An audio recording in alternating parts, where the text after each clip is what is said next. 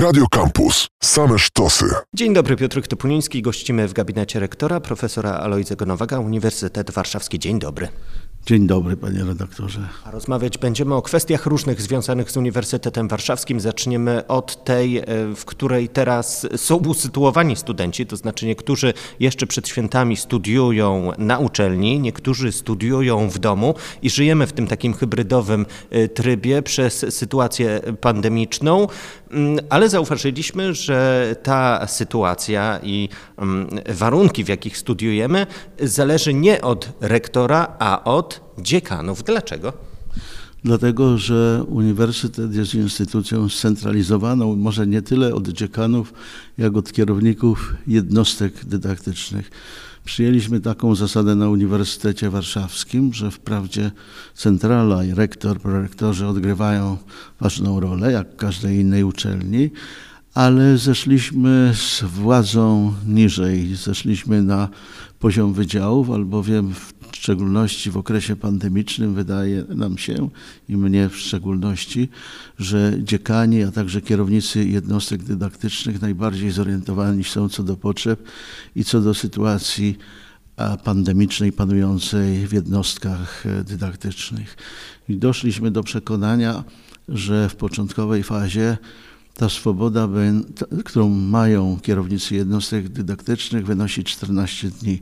To znaczy, jeśli jest jakieś zagrożenie, występuje zagrożenie i kierownicy jednostek dydaktycznych obawiają się, że sytuacja może się komplikować, to mają prawo Oczywiście wymagane jest, żeby powiadomili rektora czy prorektora do spraw e, studenckich jakości kształcenia o tym, że podejmują decyzję o nauczaniu zdalnym na 14 dni. Jeśli sytuacja by się pogarszała albo raczej nie poprawiała, to mają prawo do przedłużenia o kolejne 14 dni. No to w sumie jest miesiąc i obserwujemy też, co się dzieje na zewnątrz, poza uniwersytetem. Jeśli sytuacja byłaby dalej skomplikowana, to rzecz jasna zdrowie studentów, zdrowie pracowników, powinienem powiedzieć studentów, studentek, pracowników, pracowniczek jest najważniejsze. W związku z tym wtedy pomyślelibyśmy na przejście nauczania, na, na, nauczanie zdalne. Oczywiście może się rodzić, myślę, że pan redaktor zadałby pytanie, dlaczego od razu nie przechodzimy na zdalne nauczanie. Powodów jest kilka. Jednym z najważniejszych powodów jest to, że Uniwersytet Warszawski odgrywa istotną rolę w społeczności akademickiej Warszawy i całego kraju. Chcę jasno powiedzieć, zdrowie młodzieży i zdrowie pracowników jest najważniejsze, ale my też musimy funkcjonować na zasadzie unikania tak zwanego owczego pędu. I nie chcielibyśmy odgrywać takiej roli, że za Uniwersytetem Warszawskim poszłyby inne uczelnie. W szczególności myślimy o takich uczelniach, które w, albo w których praktyczna nauka odgrywa bardzo ważną rolę. Myślimy o uniwersytetach medycznych, myślimy o politechnikach i ten ubiegły rok już był dość skomplikowany, był dość trudny z tego punktu widzenia odbywania zajęć praktycznych. Jeśli pozwolilibyśmy sobie na następny taki rok, jeśli tak by się zdarzyło, że większość uczelni poszłaby za wzorem Uniwersytetu Warszawskiego, Jagiellońskiego, Poznańskiego i innych dużych uniwersytetów i dużych uczelni, no to mogły być kiedyś komplikacje za parę lat, jeśli idzie o wykształcenie e, w, w danym zakresie. Ja jestem z drugiej strony absolutnie przekonany, że uczelnie, koleżanki, koledzy na innych uczelniach robią wszystko, żeby ewentualnie te luki uzupełnić, czy to wakacje, czy w terminie późniejszym, ale mamy takie poczucie, powiedziałbym, odpowiedzialności, że nie powinniśmy narzucać pewnych e, takich rozwiązań. Drugi powód jest taki, że my zrobiliśmy badania na Uniwersytecie Warszawskim i z badań tych wynika, że e, ponad 80% e, młodzieży studenckiej jest zaszczepionych i ponad 90% pracowników jest zaszczepionych. W związku z tym nie ma takich bezpośrednio dużych zagrożeń nawrotem pandemii na Uniwersytecie Warszawskim. Oczywiście zdarzają się, ale śledzimy to, monitorujemy to na bieżąco, ale i z moich obserwacji, i z informacji, które posiadam, takich e, zagrożeń nie ma. Trzecim takim elementem, który powoduje to, że nie przechodzimy na zdalne nauczanie, przynajmniej nie w tej chwili, jest także to, że kilka tysięcy albo nawet kilkanaście tysięcy młodzieży, która studiuje na Uniwersytecie Warszawskim, jest spoza Warszawy na czterdzieści kilka tysięcy. Młodzież ta studencka zdecydowała się wspólnie z ich rodzicami, żeby po pierwsze wynająć mieszkania, wynająć akademiki, czyli ponoszą pewne koszty ekonomiczne. To nie jest tak, że cała młodzież, a przynajmniej Uniwersytetu Warszawskiego, wywodzi się z bardzo zamożnych rodzin. W związku z tym ten koszt, który ponieśli na wynajęcie w Warszawie mieszkań czy akademików jest dość znaczny w budżecie domowym i my musimy i chcemy także być odpowiedzialni za e, te środki finansowe, które ta młodzież poniosła. A część młodzieży zwyczajnie, ta, która pochodzi z małych miasteczek, może ze wsi, no chciałaby e, podczas studiów spędzić ten swój czas e, w dużym mieście i aklimatyzując się i poszukując pracy na przyszłość, i poszukując różnego rodzaju relacji i to także bierzemy pod uwagę. I wreszcie powód trzeci, czwarty jest taki, że my rozmawiamy na bieżąco z samorządem studentów, z samorządem doktorantów i nasza młodzież e, w zdecydowanej większości, nie chcę powiedzieć, że wszyscy, bo prawdopodobnie tak nie jest, ale w zdecydowanej większości popiera taki sposób e, podejścia do sprawy, czyli żeby nauczanie było realne, gdzie musi być to hybrydowe, no ale jeśli zaistniałoby duże niebezpieczeństwo, wysoki poziom zachorowań, to wtedy przeszlibyśmy na nauczanie zdalne. Jednocześnie trwa kampania ramię w ramię i przypominamy czas cały, że studenci również się mogą zaszczepić tą trzecią dawką, według wielu naukowców kluczową obecnie w walce z pandemią. Rzeczywiście e, tak. Ja sam brałem udział w tej kampanii ramię w ramię to i młodzież, i moi współpracownicy bardzo pięknie przygotowali. Widzę albo słyszę raczej, że ta kampania spotkała się z jednej strony z dużym zainteresowaniem, z drugiej strony, że znaczna część młodzieży i pracowników popiera tę kampanię. I rzeczywiście jest tak, że tak jak Uniwersytet Warszawski był jedną z pierwszych, jeśli nie pierwszą uczelnią, która E, wprowadziła testowanie e, antykowidowe czy przeciwko-covidowe, później szczepienia. Tak i teraz na Uniwersytecie Warszawskim właściwie każdy bez problemów może się zaszczepić. Dyskutujemy na ten temat, nie unikamy tego tematu i wierzę, że gdzie jak gdzie, ale w uczelniach wyższych, w tym w szczególności w Uniwersytecie Warszawskim, wiedza dotycząca rezultatów szczepień albo bezpieczeństwa związanego ze szczepieniami i, co z tego wynika także zabezpieczenia się przed nawrotem COVID-u jest ważna, jest postrzegana i nie chcę powiedzieć, że istnieje wiara w naukę, ale niemal pewność, że osiągnięcia naukowe są ważne i potwierdzają takie zjawisko. Stąd, szczerze mówiąc, z dumą mówię, i do pana redaktora, ale także i do kolegów, koleżanek, rektorów, z którymi się spotykam, że ten poziom wyszczepienia na Uniwersytecie Warszawskim jest tak wysoki. Cieszymy się z tego. Zmieniamy temat. Choć było o mieszkaniu studentów, powstaje nowy akademik Uniwersytetu Warszawskiego.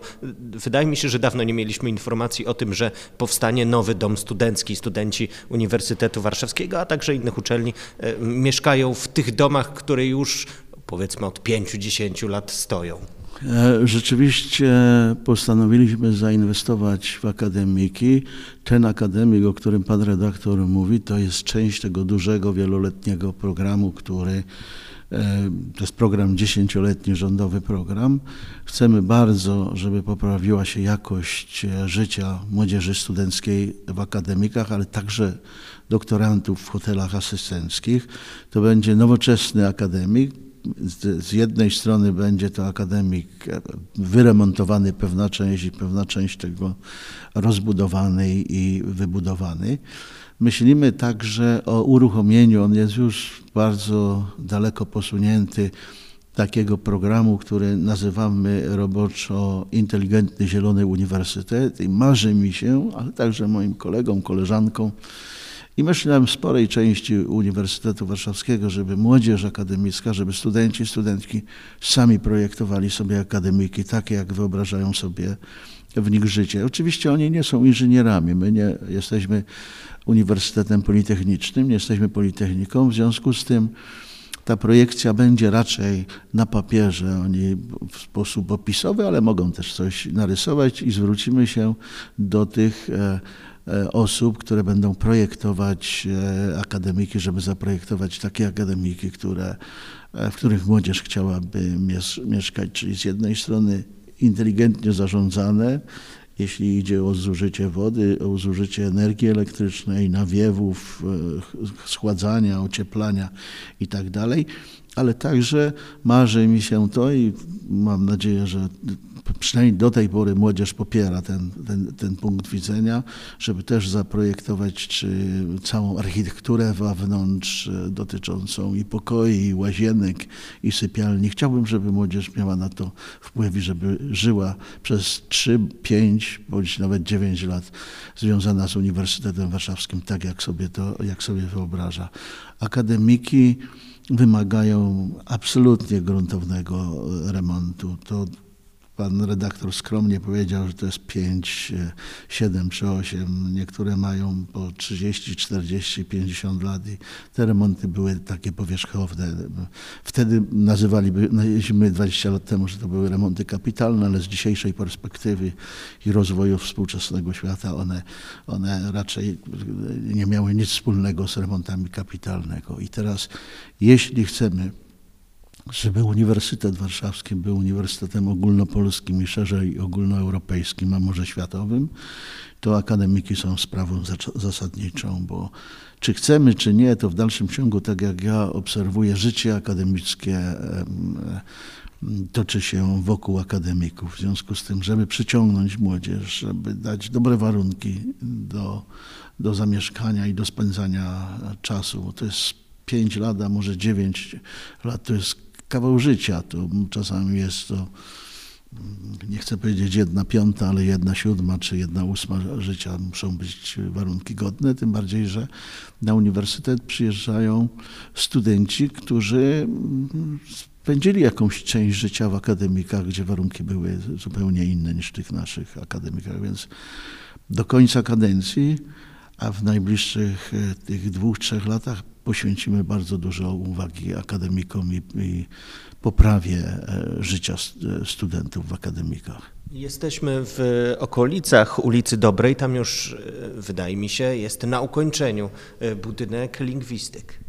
Rzeczywiście budynek no, filologii i lingwistyk, możemy powiedzieć, jest już prawie ukończony powiedziałbym w dziewięćdziesięciu kilku procentach. Trwają prace wykończeniowe i takie prace e, czyszczeniowe czy oczyszcza, oczyszczające i tak dalej.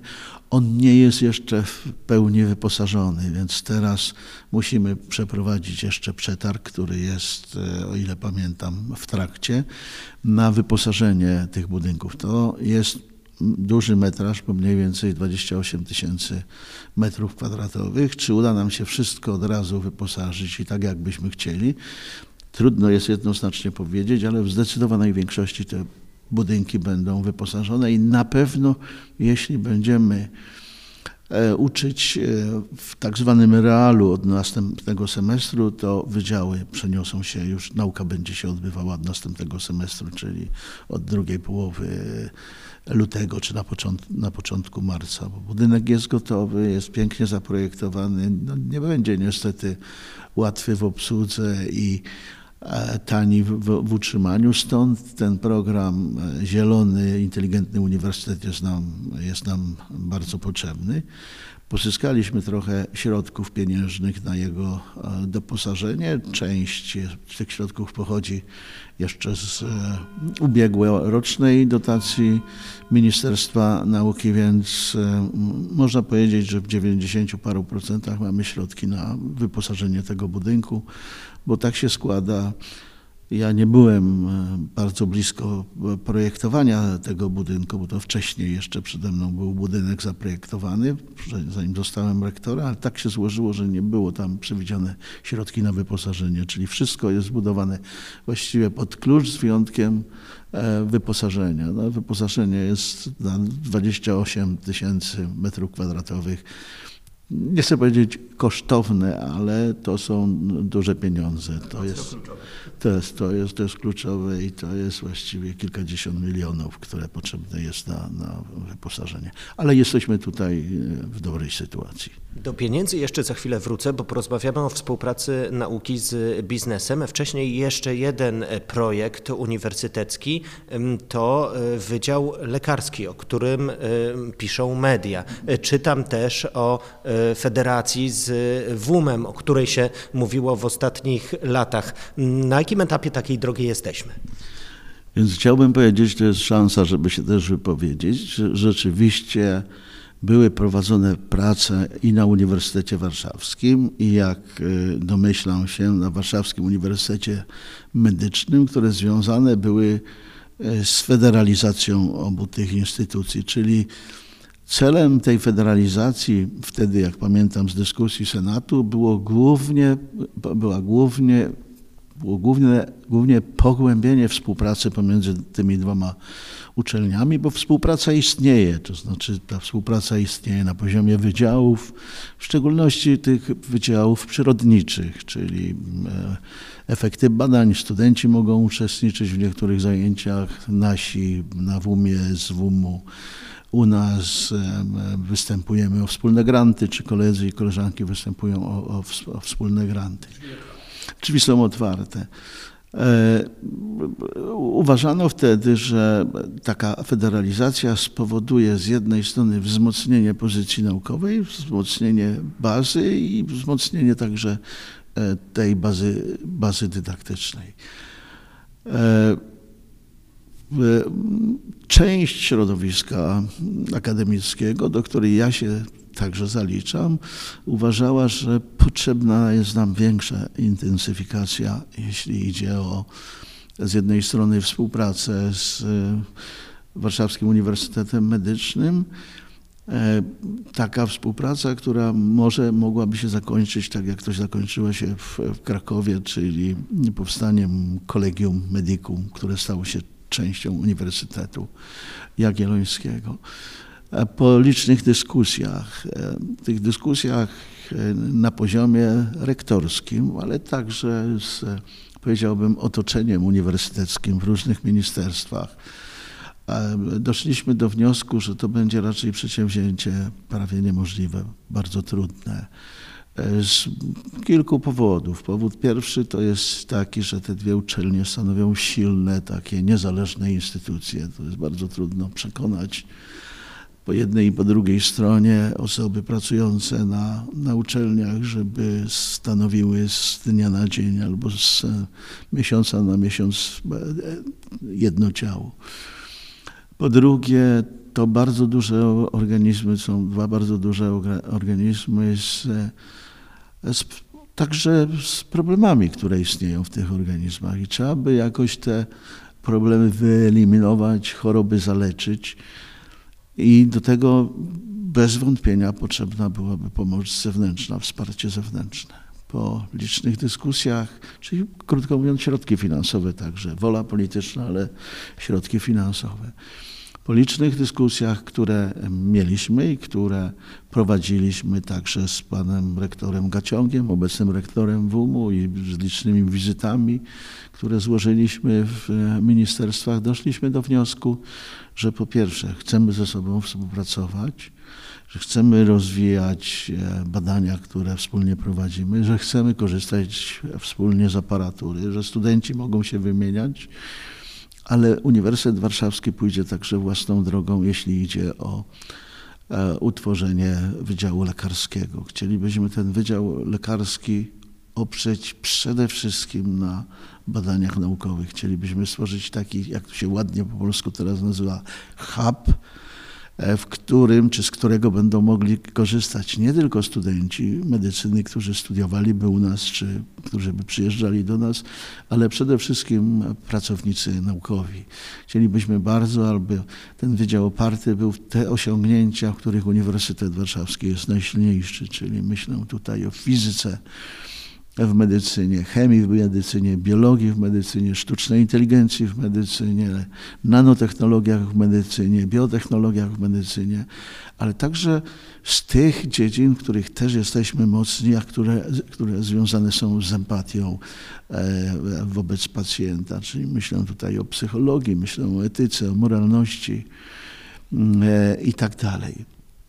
I w związku z tym przeprowadziłem e, liczne rozmowy w, e, w, różnych ministerstwach z różnymi ministrami i uzyskałem akceptację tego planu, który mamy na Uniwersytecie Warszawskim. W związku z tym poczyniliśmy także takie wysiłki, powiedziałbym, administracyjno-prawne, żeby to było ustawowo e, uregulowane. I w ostatnich, powiedzmy, kilku tygodniach e, odpowiednia ustawa e, została przyjęta przez Sejm, Senat, Senat, Sejm. Następnie podpisał ją pan prezydent i od 1 stycznia to daje nam możliwości do e, utworzenia, takie prawno-techniczno-organizacyjne do utworzenia Wydziału Lekarskiego. Ten Wydział Lekarski jest nam potrzebny jeszcze z jednego punktu widzenia, to znaczy jeden powód to jest taki, że chcemy wykorzystać wszystkie możliwości, które ma Uniwersytet Warszawski, łącznie z tradycją, bo do 1953 roku myśmy mieli na Uniwersytecie Warszawskim Wydział Lekarski, to był jeden z pierwszych wydziałów. Po drugie, bardzo wierzymy w to, że Wydział Lekarski pomoże społeczeństwu poprzez lepsze albo jeszcze lepsze przygotowywanie lekarzy do wykonywania zawodów, w szczególności lekarzy na wyższym poziomie, na poziomie doktorskim, na poziomie habilitacyjnym, na poziomie prowadzonych badań albo raczej wykorzystania tych badań, które są prowadzone na Uniwersytecie Warszawskim. Po trzecie, powstanie Wydziału Lekarskiego w dającej się przewidzieć przyszłości zwiększy naszą szansę, żeby znaleźć się wśród 200 najlepszych uniwersytetów na świecie. Analizy, które są prowadzone na uniwersytecie, wskazują, że właściwie wszystkie lub prawie wszystkie uczelnie, które znajdują się wśród 200 najlepszych uczelni, mają e, Wydział Lekarski. I wreszcie po czwarte, z raportów różnego rodzaju, które się czyta, ogląda, przegląda, wynika to, że w dającej, przyszłości, w dającej się przewidzieć przyszłości największe środki będą inwestowane we wszystko to, co jest związane z medycyną, czyli chemia w medycynie, fizyka w medycynie, sztuczna inteligencja w medycynie, psychiatria w medycynie, biotechnologia w medycynie i tak dalej. Więc no, byłoby pewną naiwnością i niedopatrzeniem, jeśli uniwersytet z tego nie chciałby skorzystać. Nam te środki finansowe potrzebne są zarówno na rozwój tych e, nauk podstawowych, jak i potrzebne nam są na rozwój medycyny albo Wydziału Lekarskiego, czy badań prowadzonych dla Wydziału Lekarskiego. Istnieje duża szansa i duże, bardzo duże prawdopodobieństwo, że ten wydział uruchomimy już od następnego roku akademickiego. My wprawdzie nie mamy jeszcze budynku e, na ten wydział takiego specjalnie przygotowanego albo nowo wybudowanego, ale te zajęcia wstępne, jeśli uzyskamy wszystkie zgody, możemy mamy miejsce, gdzie e, prowadzić, bo zarówno Wydział e, Biologii, Fizyki, Chemii, jak i Centrum Nowych Technologii są bardzo dobrze wyposażone w laboratoria i bardzo dobrze wyposażone w sale wykładowe i tam można prowadzić te zajęcia, takie powiedziałbym teoretyczne z tych przedmiotów podstawowych. W międzyczasie podpiszemy, nie chciałbym jeszcze zradzać z kim, ale z bardzo dobrymi i szpitalami i, i jednostkami medycznymi porozumienia dla potrzeb praktycznej nauki e, naszych studentów, ale także z, ze względu na robienie stopni i uzyskiwanie tytułów naukowych, to takie porozumienia nam są potrzebne. Studenci oczywiście najważniejszą są sprawą, ale stopnie, tytuły również są ważne, bo to przecież nie jest tak, że zaraz pierwszego roku uzyskamy prawo do doktoryzowania czy do habilitowania. A znajdzie się kto y, do uczenia, to znaczy przypracowani naukowcy y, będą mieli jeszcze czas, by w swoich timetables. Ale myśl, myśli Pan o naszych koleżankach i kolegach, czy tych, którzy spoza? spoza. No właśnie to chciałem powiedzieć z dużą przyjemnością, że i to mnie bardzo cieszy, że Uniwersytet cieszy się dużą marką i widać to w ofertach, które są składane e, e, do współpracy z e, potencjalnym wciąż jeszcze Wydziałem Lekarskim. Powiedziałbym, że dużo, a nawet bardzo dużo osób takich, które mają doktoraty bądź habilitację i są w takim wieku 30, kilku, 40 lat, zgłaszają się i chciałyby e, pracować na Uniwersytecie Warszawskim, na Wydziale Lekarskim.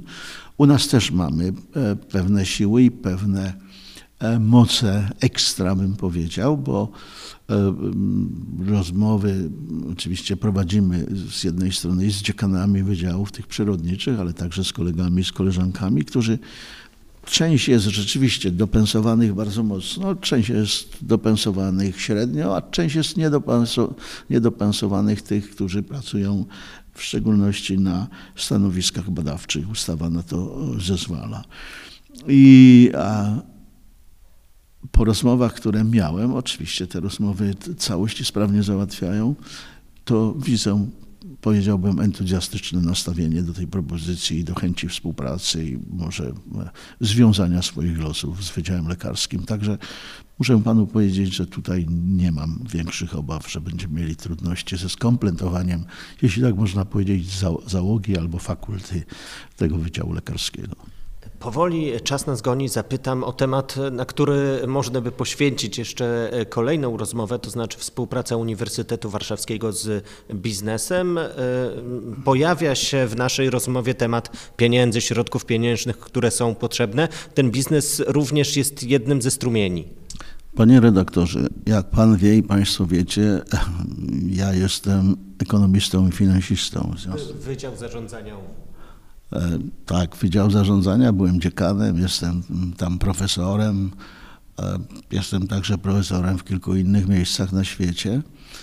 E, I dla mnie, tak jak dla fizyka, jest laboratorium w sensu stricto, to dla mnie laboratorium jest gospodarka. W związku z tym ja od lat kilkudziesięciu, chyba zaraz od uzyskania doktoratu, współpracuję w różnej formie z gospodarką. Stąd, jeśli po pierwsze kształciło się e, tak jak na wydziale przez, wtedy ja jestem zatrudniony na wydziale od 1984 roku i e, od mniej więcej od napisania doktoratu e, miałem do czynienia z kształceniem takim na poziomie magisterskim, licencjackim i, i podyplomowym osób, które, z których wiele, bo tak jak nam badania wskazują, wydziałowe około 30% odniosło sukcesy, czyli zostało prezesami, zostało członkami zarządów, zostało dyrektorami. Więc mam silny kontakt z definicji z tymi osobami. Z wieloma osobami, z wieloma zarządami e, współpracuję także e, profesjonalnie w tym sensie, że albo im doradzałem, albo doradzam, albo byłem w radach nadzorczych, albo jestem w radach nadzorczych, to to stanowi podstawę do tego, żeby realizować pewne, jakby tu powiedzieć, nowoczesne formy funkcjonowania uniwersytetów. Ja obserwuję, czy my obserwujemy, jak funkcjonuje współpraca uniwersytetów takich jak na przykład Harvard, Cambridge, e, Uniwersytet Monachijski, e, MIT i inne uniwersytety. Wymieniam uniwersytety z różnych kultur, ale także francuskie uniwersytety i także azjatyckie uniwersytety. I wszędzie tam istnieje bardzo silna współpraca uniwersytetów e, z biznesem. Powodów jest kilka. To znaczy, my wszyscy wiemy, że najlepszymi pieniędzmi finansującymi uniwersytety i badania są pieniądze budżetowe, te, które nie są oznaczone, bo nie ma wobec nich żadnych wielkich oczekiwań, poza tym, żeby je użyć w sposób odpowiedni, przejrzysty, jasny, czysty i tak. Ale nie oczekuje się wprost na wyniki badań, więc to jest duże bezpieczeństwo, że te wyniki, czy że badania po prostu prowadzi się dla badań i że wyniki, które się uzyska, są najbardziej obiektywne e, z możliwych. Ale jest też druga grupa środków i druga grupa badań, tak zwane badania aplikacyjne, czyli zadaniowe, które są potrzebne firmom, biznesowi, politykom, komukolwiek dokonywanie analiz i te tutaj przekazywane są środki z różnego rodzaju, czy to firm, czy fundacji, czy z różnego rodzaju innych miejsc.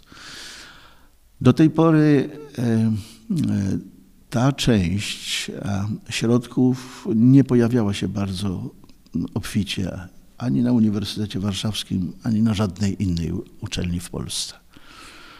Natomiast my wiemy, że istnieją różnego rodzaju programy europejskie, światowe, doświadczenia światowe, głównie amerykańskie, programy europejskie, żeby wiązać bardziej biznes e, czy gospodarkę z uczelniami.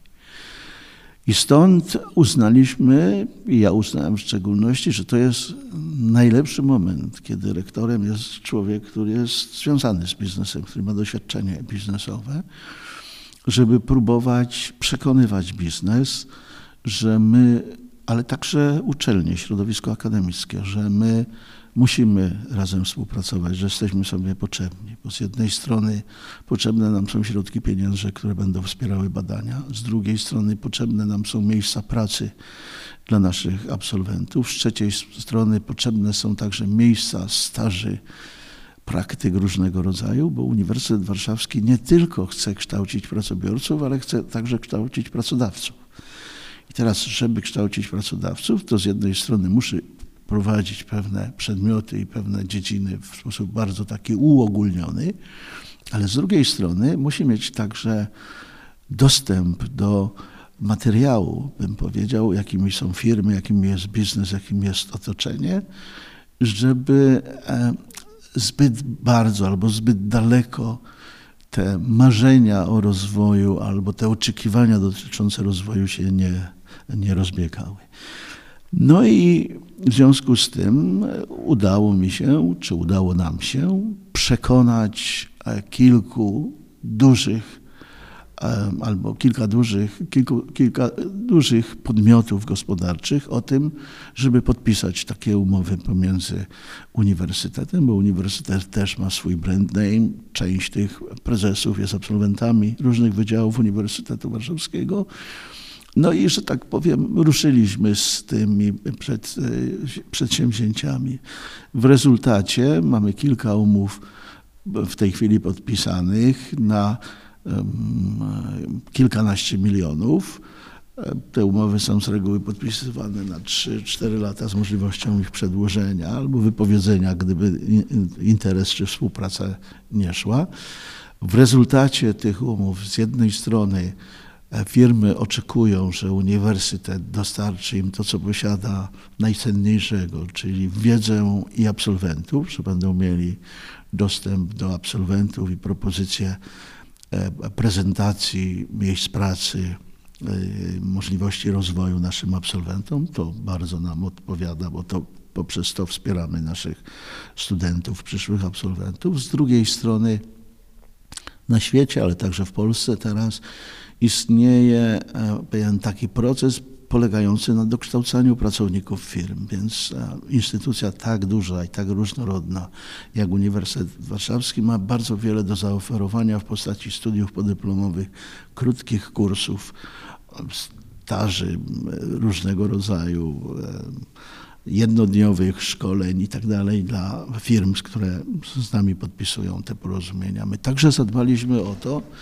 żeby umowy były w ten sposób podpisane, żeby część środków pieniężnych mogła być wykorzystywana w miarę elastycznie. To znaczy nie będziemy tego robić bez darczyńców.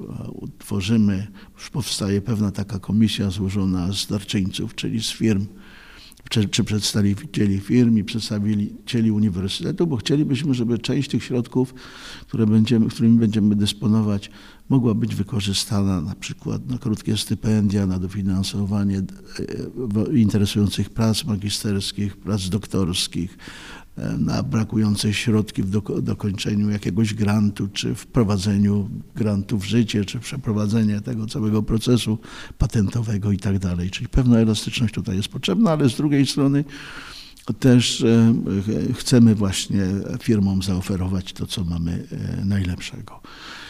I chcę powiedzieć, że mamy tutaj spory sukces już, bo właściwie z pięcioma firmami mamy podpisane takie porozumienia. Dwa dalsze porozumienia e, są przygotowywane. Sprawy idą dobrze. Oczywiście to wywołuje też pewne emocje, bo to zastanawiają się dziennikarze, ktoś tam czy rektor, który odpowiada za tak dużą uczelnię, to powinien jeszcze podpisywać takie porozumienia, czy zajmować się tylko i wyłącznie uczelnią, procesem dydaktycznym, badawczym, inwestycyjnym tylko na uczelni. No ale takie pytania są e, i prawdopodobnie e, będą w przyszłości. Ja uważam, że świat tak bardzo się zmienia, że my jesteśmy ważną częścią społeczności z jednej strony akademickiej, z drugiej strony gospodarczej, z trzeciej strony całego społeczeństwa, że musimy brać udział także w życiu tego społeczeństwa. I jeśli tylko będzie mi dana taka możliwość, żeby te, rozszerzać tę współpracę i pozyskiwać e, inwestorów, a nawet mniejszych i, i, prywatnych, nie tylko spółki Skarbu Państwa, to, to będę czynił, bo jestem absolutnie przekonany, że to jest dla dobra rozwoju E, uniwersytetu, dla dobra rozwoju badań, dydaktyki, ale także wspierania naszych absolwentów w poszukiwaniu miejsc pracy, plasowaniu ich e, na rynku pracy. I także jest to dobre dla tych, którzy wierzę, będzie ich 20-30%, którzy będą potencjalnymi pracodawcami, będą tworzyć miejsca pracy, bo także takie staże, pobyty, w firmach już funkcjonujących mogą ich bardzo mocno wzbogacić, choćby e, z tej strony, żeby unikać różnego rodzaju zagrożeń, będą znali zagrożenia, te, które występują na rynku pracy współczesnym świecie gospodarki mocno powiązanym. Na samo zakończenie e, zadam pytanie. Legii ostatnio nie idzie, to może by któregoś trenera albo zawodników z AZS-u spróbować podpytać, czy by nie pomogli w utrzymaniu się w ekstraklasie. No to jest e, prawda. Sam jestem zdumiony, bo chcę panu powiedzieć, że my, e, jak kiedyś byłem prorektorem, to podpisaliśmy takie porozumienie o bliskiej współpracy Legii z Uniwersytetem Warszawskim ta umowa nie jest w pełni konsumowana, być może wartałoby się jej przyjrzeć, a ich podstawowym celem było powstawanie, pisanie prac magisterskich z jednej strony dotyczących zachowania kibiców, prowadzenia marketingu przez Legię, ale także systemu szkolenia mm, Legii, systemu rozwoju zawodników, e, więc e, może jak najbardziej byłoby to godne do powrotu do tego.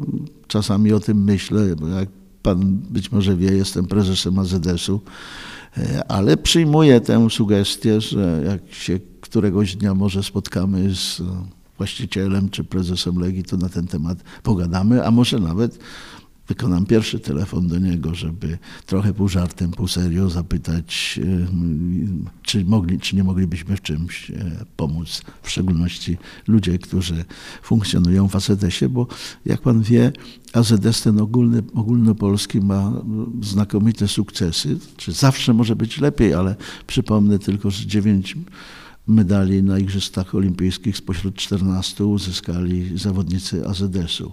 Uniwersytet Warszawski też ma znakomite drożyny, a wierzę w to, że jak wybudujemy centrum sportu, nie wiem, czy to będzie się nazywało centrum tam na, na Ochocie, przebudujemy wreszcie, spełnimy marzenia wielu sportowców studenckich, to to jesteśmy bardzo potężną i silną instytucją także pod względem sportowym i wtedy już będziemy górować nad wszystkimi. A powód jest bardzo prosty. Przychodzą bardzo ciekawi studenci, przychodzą osoby z pasją, przychodzą osoby z marzeniami, które tę pasję i marzenia chcą realizować w różny sposób. I co jest ciekawe też, to nie jest tak, jak czasami wielu myśli, że jak jest bardzo dobry sportowiec, to ma kiepskie wyniki w nauce. Spotykamy na uniwersytecie znakomitych studentów, prawie ze wszystkimi piątkami, którzy studiują różne dyscypliny i różne dziedziny, poczynając od przyrodniczych poprzez społeczne, na humanistycznych, kończąc, które mają znakomite wyniki, są mistrzami Europy, uczestnikami olimpiad, mistrzami świata i łączą to w sposób fantastyczny jedno, jedno z drugim. Bo sport i nauka właściwie mają wiele wspólnego, a mianowicie tym wspólnym jest pasja, cierpliwość w realizacji i konsekwencje w dążeniu do realizacji zamierzeń, które się posiada. I to się pięknie kształtuje ze sobą, to pięknie się układa. I my, ci, którzy zarządzają uczelnią, mamy obowiązek pomóc wszystkim takim osobom, które tak chcą właśnie funkcjonować. Ja zrobię wszystko, żeby, żeby im pomagać i żeby także stworzyć jeszcze lepsze warunki na Uniwersytecie Warszawskim do um, studiowania i uprawiania sportu. Przekonuję i chyba z sukcesem bym powiedział także rektorów jako prezes e, zarządu głównego AZS-u, e, innych uczelni, którzy patrzą coraz cieplejszym wzrokiem na rozwój sportu akademickiego i ci mm, olimpijczycy także wywodzą się z innych ośrodków akademickich i to nie tylko z AWF-ów, ale także z uniwersytetów, także z politechnik. Cieszy mnie to bardzo, bo e, wiele z tych osób po pierwsze odniesie sukces nie tylko sportowy, ale także zawodowy. Wiele z tych osób spotyka się ze swoimi rówieśnikami z całego świata, z różnych krajów. Rozmawiają w różnych językach, bo nasi sportowcy znają także języki obce.